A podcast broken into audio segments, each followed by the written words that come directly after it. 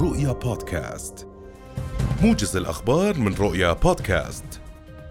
اجتمعت عدد من اللجان النيابية اليوم لمناقشة عدد من القضايا بينها مشروع تعديل الدستور الأردني لعام 2021 اللجنة القانونية النيابية تستكمل مناقشة مشروع تعديل الدستور بحضور لجنة المرأة النيابية وملتقى البرلمانيات. وممثلات عن القطاع النسائي في حزب جبهة العمل الإسلامي.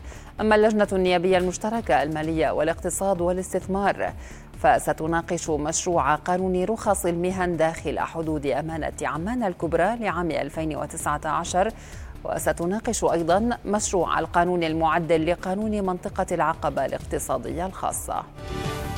انخفض عدد حالات الإصابة بفيروس كورونا النشيطة في المملكة حتى يوم أمس إلى 58 ألف حالة تقريباً.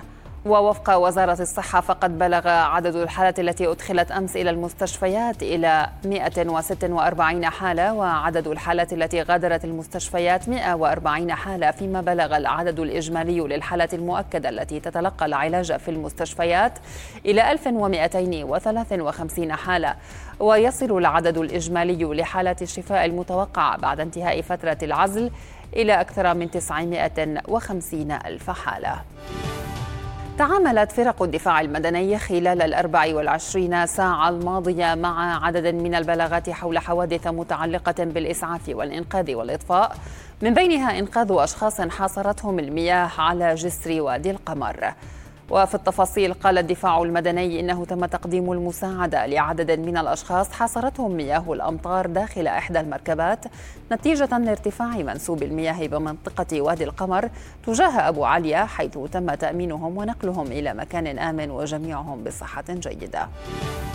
قال أمين عام وزارة الإدارة المحلية رئيس غرفة العمليات المركزية بالوزارة حسين مهيدات إن الوزارة تعاملت خلال المنخفض الجوي مع 100 و28 شكوى من مختلف بلديات المملكة مضيفا أن الحوادث كانت على شكل انقطاع في التيار الكهربائي وارتفاع في منسوب المياه وفيضانات في مناهل الصرف الصحي بسبب غزارة الأمطار. قال مدير خطة الطوارئ في شركة الكهرباء الأردنية المهندس محمد سعيثان إن الشركة رفعت جاهزيتها للتعامل مع المنخفض الجوي موضحا أن الأعطال التي تعاملت معها الشركة كانت فردية مع حمل كهربائي سجل 2250 ميجا واط بسبب ازدياد استخدام وسائل التدفئة. قال المهندس مروان الجمعاني أمين عام وزارة الأشغال العامة والإسكان إن جميع الطرق في المملكة سالكه مضيفا أن الوزارة تعمل وفق خطة الطوارئ المتوسطة التي تم الإعلان عنها مسبقا للتعامل مع الظروف الجوية السائدة في المملكة. قال مدير العمليات في موقع طقس العرب أسامة الطريفي إن كمية الأمطار التي هطلت خلال الساعات الماضية جيدة جدا نتيجة تعرض المملكة لمنخفض جوي صنف من الدرجة الثالثة. الطريفي أضاف أن الجبهة الهوائية عبرت المملكة وبدأت بالابتعاد مع بقاء وجود تيارات رطبة وفرص لتساقط زخات من الأمطار على فترات متباعدة في شمال ووسط المملكة. مشيرا إلى احتمالية استقرار الأجواء مع ساعات العصر وتجدد فرص تساقط الأمطار مع ساعات الليل ويوم الغد.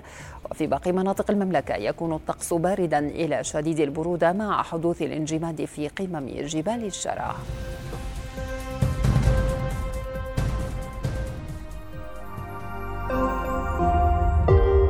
رؤيا بودكاست